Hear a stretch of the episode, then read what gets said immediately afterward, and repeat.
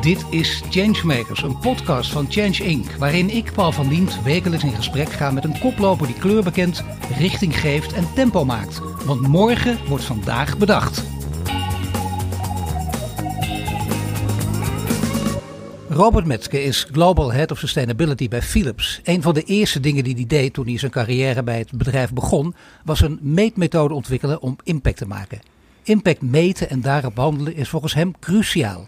Voor Philips betekent dat zorg toegankelijk maken binnen het draagvermogen van één planeet. Welkom Robert. Hallo. Nou, we gaan zo meteen over die, die hele mooie positie van jou praten. En, en je bent natuurlijk van harte uh, welkom hier en gefeliciteerd als Changemaker van de Week. Uh, maar ik wil eerst van je weten, ik wil eerst van je weten, wat is het, het duurzame nieuws dat afgelopen periode het meest indruk op je heeft gemaakt? Ja, ik zie duurzaamheid niet los van de rest van de wereld. dus uh, ik denk de twee dingen die het meest afgelopen week uh, mij het meest uh, bezig gehouden hebben, zijn de inauguratie van president Biden, de nieuwe administratie in Amerika aan de ene kant, en ook de, de rellen in Nederland rondom het COVID-lockdown-beleid aan de andere kant. En die dingen zijn op een of andere manier verbonden voor mij. Het heeft allebei iets te maken ook met polarisatie in de maatschappij en leiderschap uh, en het vermogen om bruggen te bouwen. En dat is allebei, uh, denk ik, raakt de kern van duurzame ontwikkeling. Ja, dat is heel interessant, ja. Want het is, dit is een bijna een groot filosofisch vraagstuk hoe je het nu neerzet. Maar wel de integrale benadering waar we over komen te spreken speelt hier een rol. Hè? Kun je er ja. iets over prijsgeven? Want wat, wat ja. voor duurzame ontwikkelingen haal je uit deze, deze actuele ontwikkelingen? Nou ja, als je, kijk, als je kijkt naar Biden uh, en Harris, uh, ze zitten natuurlijk voor een diep verdeeld land. En tegelijkertijd heeft uh, Biden de kans gegeven om in de eerste week iets van 30 executive orders te tekenen. En heeft aangegeven dat de United States weer een onderdeel wordt van het Parijsakkoord, wat superbelangrijk is. Zo'n leidende stem mag niet ontbreken um, om onze doelen te behalen. Um, dus bruggen bouwen, verbinding uh, richting geven en een, een koers uitzetten die zo'n gespleten land weer bij elkaar kan brengen achter een lange termijn visie, vind ik heel mooi om te zien. Um, als je naar Nederland kijkt en naar de rellen die wij hier zien, dan denk ik, ja, dat is aan de ene kant, het is vreselijk. Tegelijkertijd zie je een tegenbeweging ontstaan waar die ook heel hoopgevend is. Hè? Maatschappelijke samenhorigheid, mensen die elkaar te hulp schieten, uh, die de, de steden gezamenlijk opruimen, uh, die aan het crowdfunden zijn om uh, ondernemers weer te vergoeden. Um, dus je ziet gewoon een soort uh, gemeenschappelijk samenhorigheid uh, opstaan, voor elkaar opkomen. Um, en besef van dat we een onderdeel zijn van een grotere heel. en met z'n allen verantwoording hebben van hoe wij samen willen leven.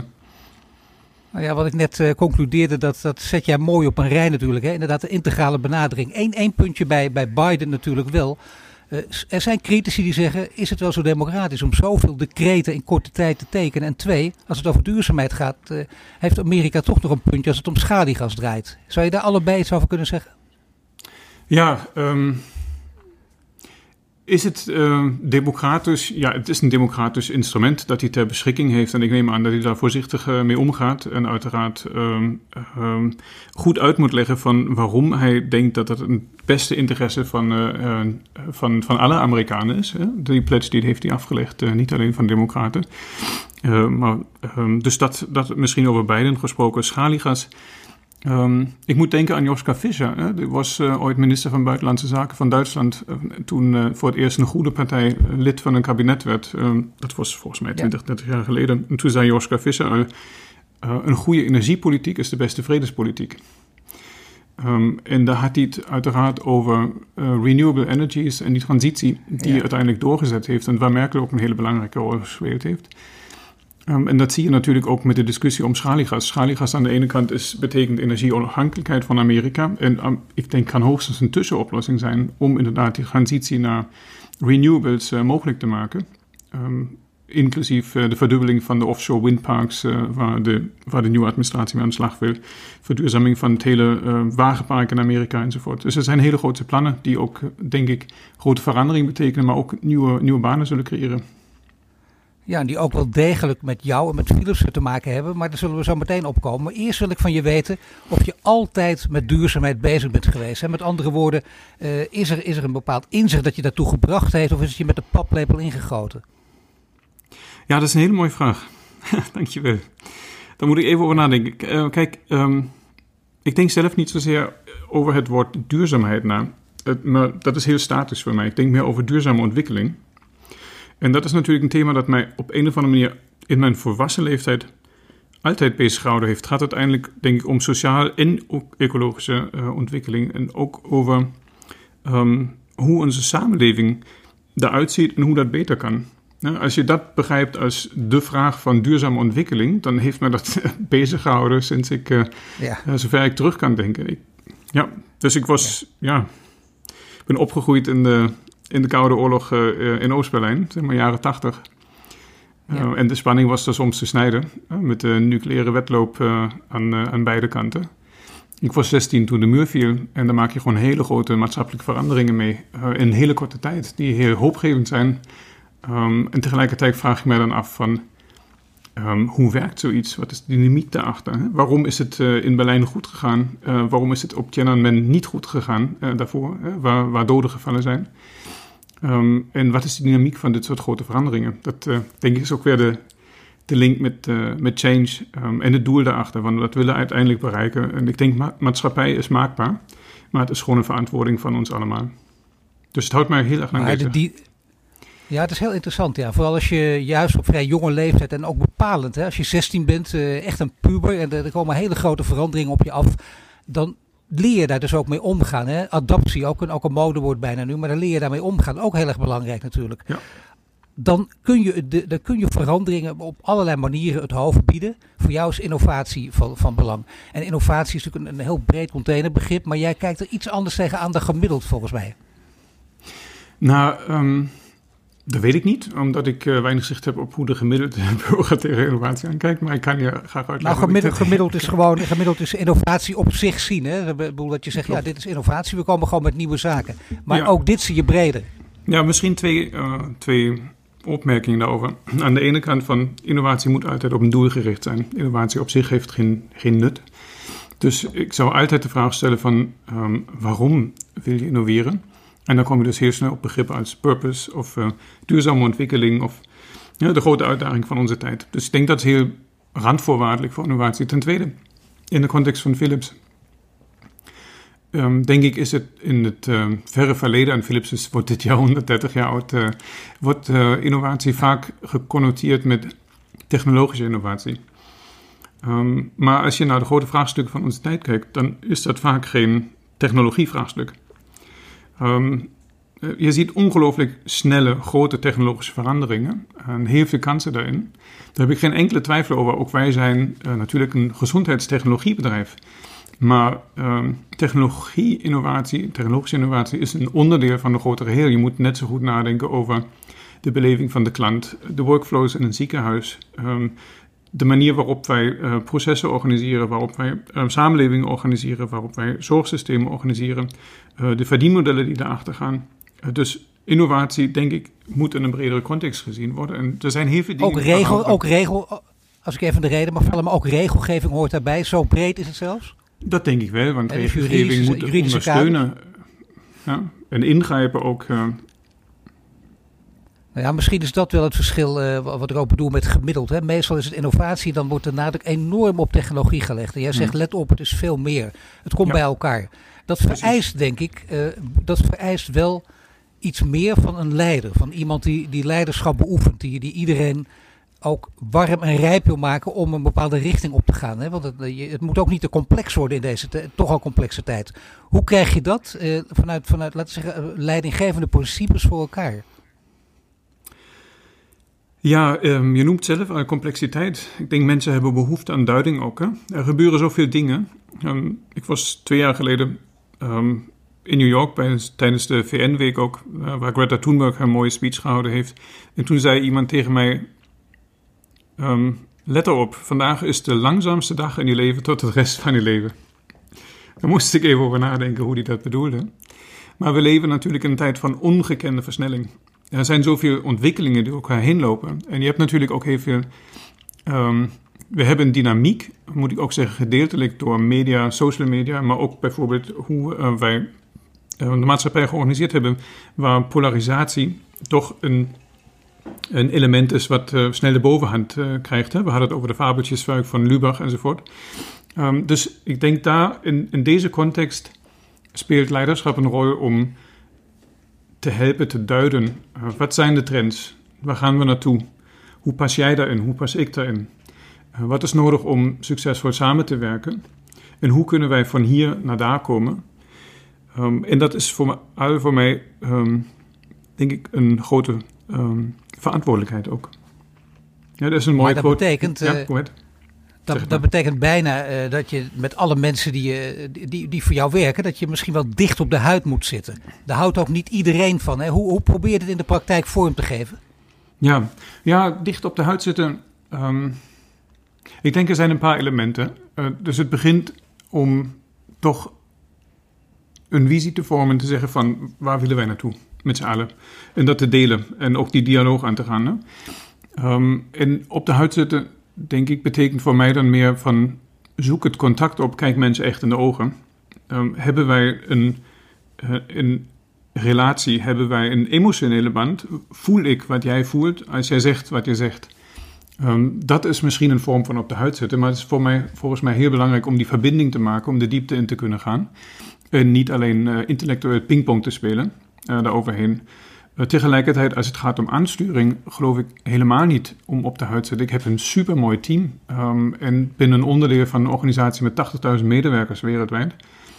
Um, die kan ik niet en die wil ik niet op de huid zetten. ik zoek mensen die gewoon passie hebben. Uh, die, uh, zo, dit is een koffieapparaat op de achtergrond. Die, ja, maar dat is heel gezellig. Dat mag ook. Daar, heb je een podcast voor. Goed koffie is gewoon heel belangrijk. Ja, door Philips um, ook geleverd of niet, het apparaat? Dat, sorry? Is, is het nog een oud Philips apparaat of niet? Ja, dat is een Philips automaat. Dus geen, geen oude Philips automaat, ja, maar dat is een nieuwe Philips nieuwe. apparaat. Maar die Kijk doet het heel goed. Daar is hele gezin blij mee. maar um, um, ja, dus op de huid zitten in die zin überhaupt niet. Ik zoek naar mensen die uh, passie hebben, die leergierig zijn, um, die, um, die dingen willen bewegen en veranderen. En die probeer ik in staat te stellen om uh, aan hun visie te werken en op hun manier um, met de teams die onder hun hangen effectief te zijn. en, maar wel in de context. Dus ik probeer inderdaad ook vaak weer te duiden en te zeggen van oké, als je nu bezig bent met zorg toegankelijk maken in Afrika, kan het op een manier waardoor wij uh, de ecologische footprint uh, wel klein houden. Of als je nadenkt over circulaire economie, kun je dat doen op een manier waardoor die circulaire economie ook inclusief is, waardoor je dus werkplaatsen creëert um, en diensten en producten toegankelijker maakt. Dus ik denk die context is heel belangrijk, onderdeel, context creëren van, van leiding geven. En ervoor zorgen dat ze de middelen hebben om aan die dingen te kunnen werken waar ze aan willen werken. Maar voor de rest probeer ik niet op de huid te zitten.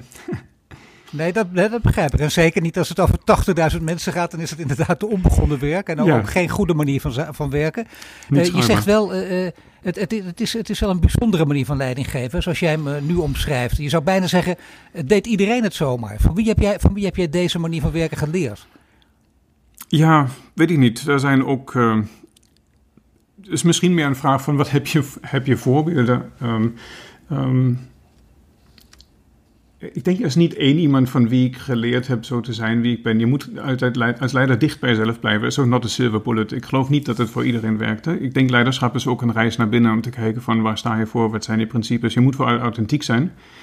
Um, en um, daarbinnen natuurlijk um, experimenteren en proberen uh, je repertoire, uh, je gereedschapskoffertje als leider te, te verbreden.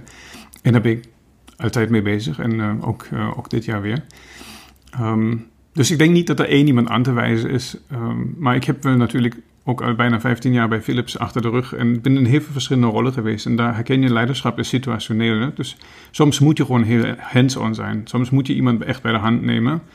Um, soms moet je een keer tot laat in de nacht met iemand doorwerken. Gewoon achter een Excelletje zitten of uh, de laatste presentatie voor een bord uh, samen klaarmaken.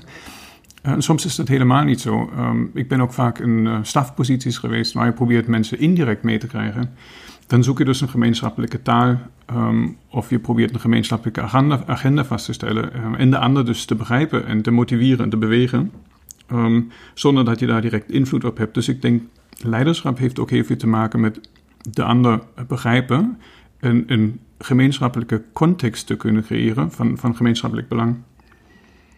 En als dat op termijn niet lukt, moet je dan ook als leider in staat zijn afscheid te nemen van iemand?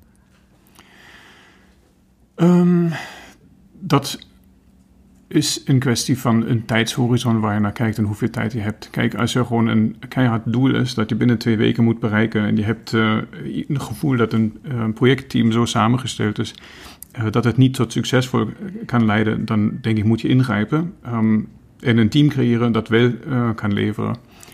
Um, als je op langere termijn kijkt, en dan hebben we het echt over personal development, dan denk ik is altijd belangrijk om te begrijpen van wat zijn de drijfsferen van iemand waar wil je zelf naartoe? En dan is het niet zozeer een kwestie van um, wij moeten nu afscheid nemen, want jij levert niet. Ik geloof niet zozeer in goede en slechte medewerkers. Ik denk dat mensen soms niet op de juiste plek zitten of niet de juiste omgeving hebben tot, om tot bloei te komen. Dus het is eerder toch meer een zoektocht naar wat is de juiste omgeving om wel te kunnen functioneren. En dat kan binnen je team zijn of binnen je bedrijf of daarbuiten. Maar ik denk dat is een heel mooi en waardevol gesprek. Dus dat is niet zozeer van laten we afscheid nemen van je levert niet, maar meer van um, wat wil je eigenlijk in je leven um, en hoe kun je daar naartoe groeien. En als je dan in die zoektocht het juiste team hebt gevonden met de juiste mensen op de, op de juiste plekken, dan is uiteindelijk uh, de, doel, de doelen die je stelt zijn van groot belang. De impact die je hebt is van enorm belang. Ja. En dan eh, wil je ook kijken, zeker in deze tijd, hoe je iets kunt meten. En dat heb je vanaf het begin gedaan. Je bent een jaar of tien geleden begonnen. Je bent meteen begonnen met het instellen van een, van een meetinstrument. En niet voor niets dat mensen, ik ook, dat je daar vaak naar vragen. Want dat is toch heel interessant. Hè? Kun je daar iets over vertellen? Hoe je dat in elkaar hebt gezet en hoe het nu werkt? Ja, graag. Um, ik zal misschien een voorbeeld gebruiken. Maar kijk, um, we hadden het heel kort over waar ik vandaan kom. Het eerste wat ik gedaan had na de val van de muur, ik ging studeren en ik begon met theoretische natuurkunde. dat is mij misschien bijgebleven. Um, ik geloof in uh, goede feiten en goede modellen, zeg maar, om, uh, om een beetje grip op de realiteit te krijgen.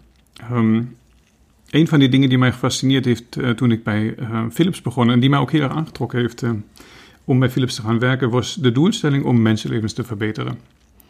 Ik zei, Philips wordt dit jaar 130 jaar en dat stond altijd op het vaandel. Maar er waren ook tijden waar het inderdaad op het vaandel stond, maar voor de rest niet heel veel verder kwam, had ik het idee. Dus we hebben natuurlijk ook een hele tijd doorgemaakt in de uh, jaren 80, uh, 90 misschien ook wereldwijd, waar gewoon shareholder capitalism echt uh, een, een, een rage was. Zeg maar. Het ging allemaal om uh, bottomline, dividenden, beurswaarde enzovoort. Um, en dan raak je die verbinding met zo'n kernwaarde misschien een beetje kwijt van een bedrijf dat als uh, familiebedrijf begonnen is uh, in Eindhoven. En toen ik bij Philips begon, 15 jaar geleden, toen uh, heb ik echt een rondje gemaakt. Ik was toen verantwoordelijk voor een programma voor duurzame innovatie op wereldwijde schaal. Opschalen van ecodesign, had een miljard euro als budget daarvoor. Terugdringen van CO2-uitstoot. En ik ging mensen vragen van, wat betekent dat eigenlijk mensenlevens verbeteren? Um, hoe kijken jullie daar zelf tegenaan? En wat doen jullie daarmee in jullie rol als leidinggevende of als medewerker? Um, en dat was een heel diffuus beeld en het was eigenlijk weinig grip op te krijgen.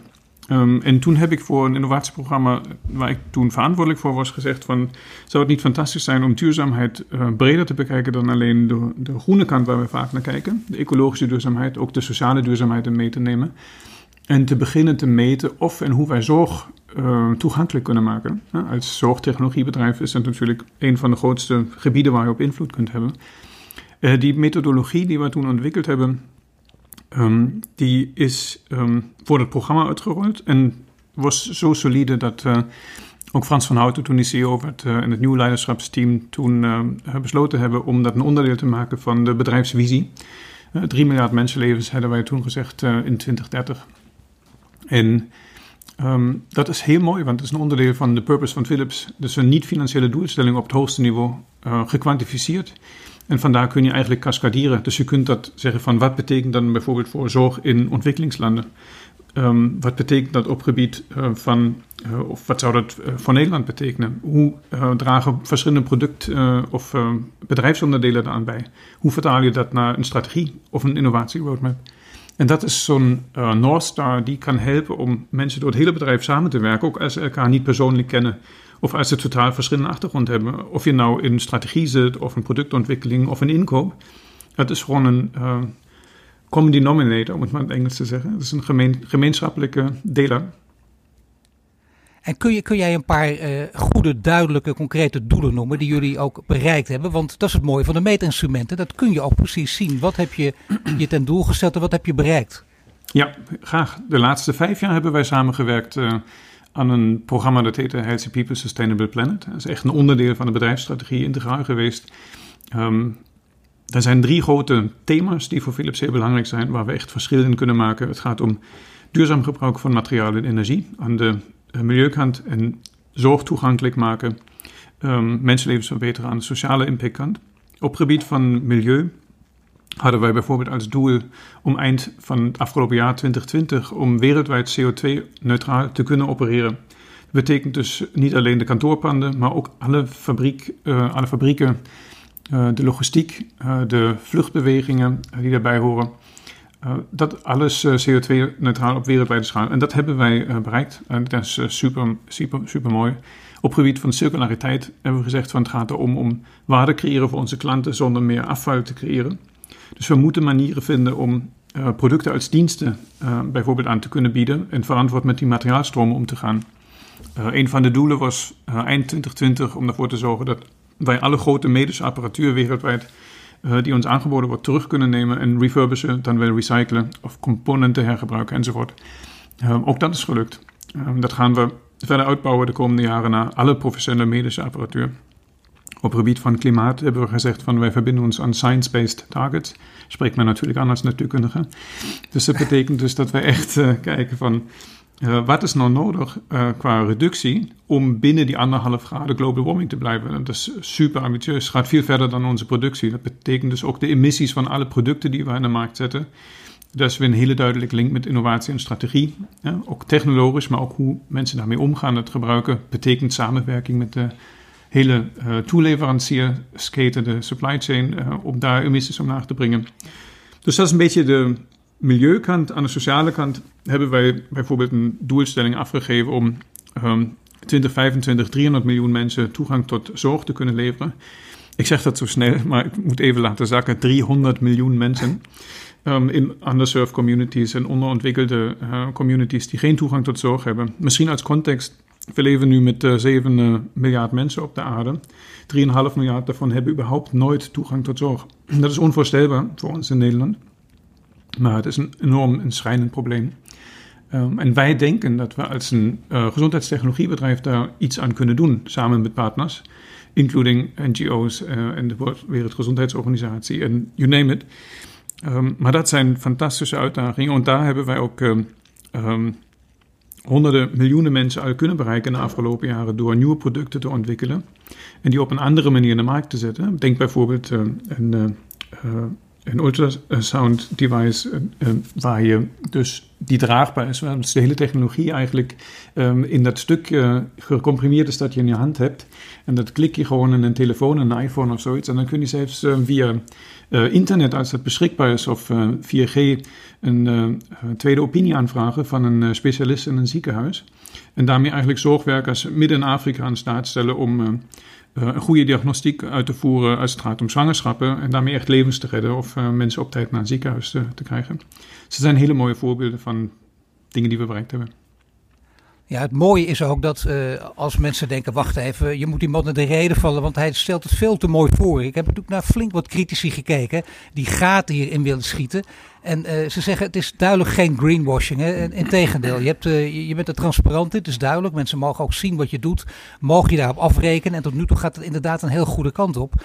Bovendien, uh, het mes snijdt aan twee kanten, denk ik. Voor jullie ook. Hè? De criteria die jij noemt, tegenwoordig worden dat de ESG-criteria genoemd, de Environmental, Social and Governance. Ja. Daar voldoe je aan. Maar klimaatfinanciers vinden dat ook heel erg belangrijk.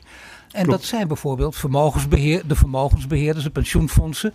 Daarmee, als je die mensen ook heel sterk aan je weet te trekken, dan kun je echt nog veel grotere doelen stellen. Of stel ik het nu te mooi voor? Of denk je dat daar hele grote kansen liggen voor de komende jaren? Superbelangrijk. Ik denk juist dat is nodig.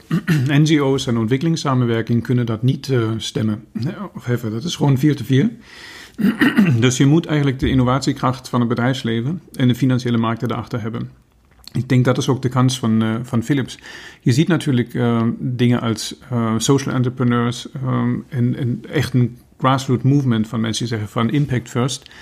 Wij zijn denk ik echt een bedrijf dat purpose-driven is.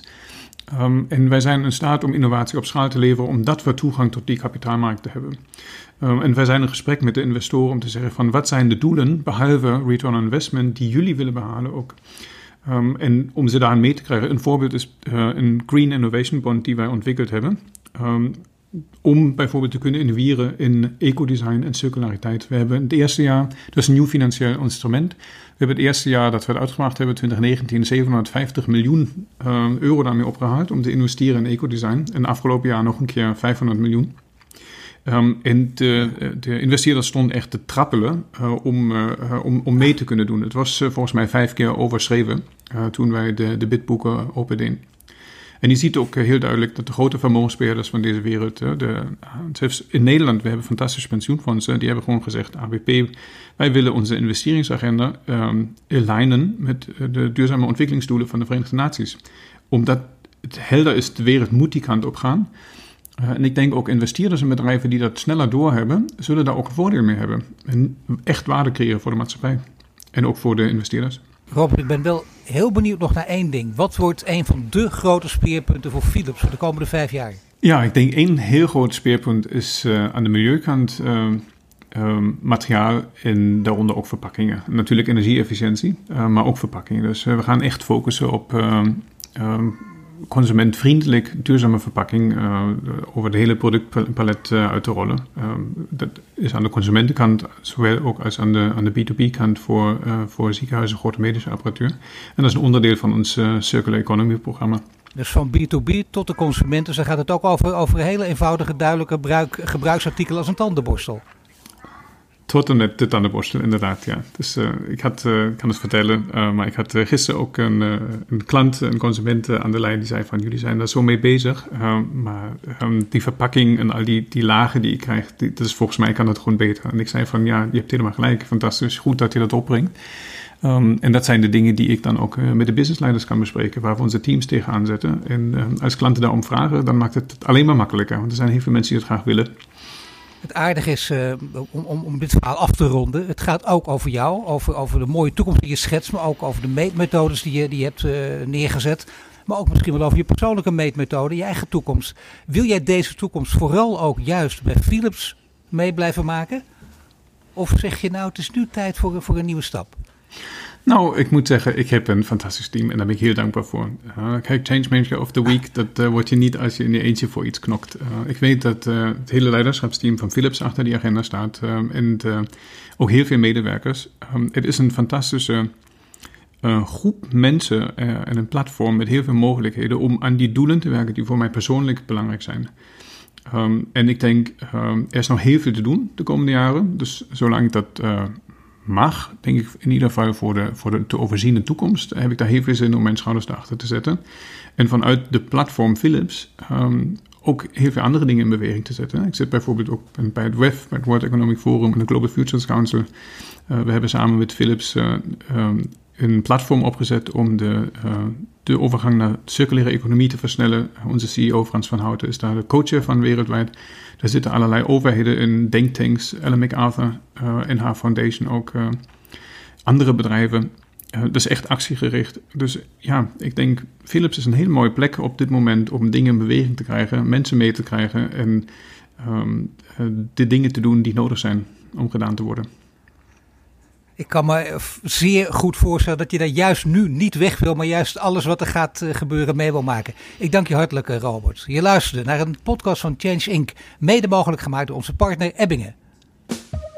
Dit was de Changemakers podcast van deze week. Volg onze website voor meer nieuws over succesvol duurzaam ondernemen. Wil je meer afleveringen beluisteren? Abonneer je dan nu via iTunes of Spotify en krijg een melding wanneer er een nieuwe podcast online staat.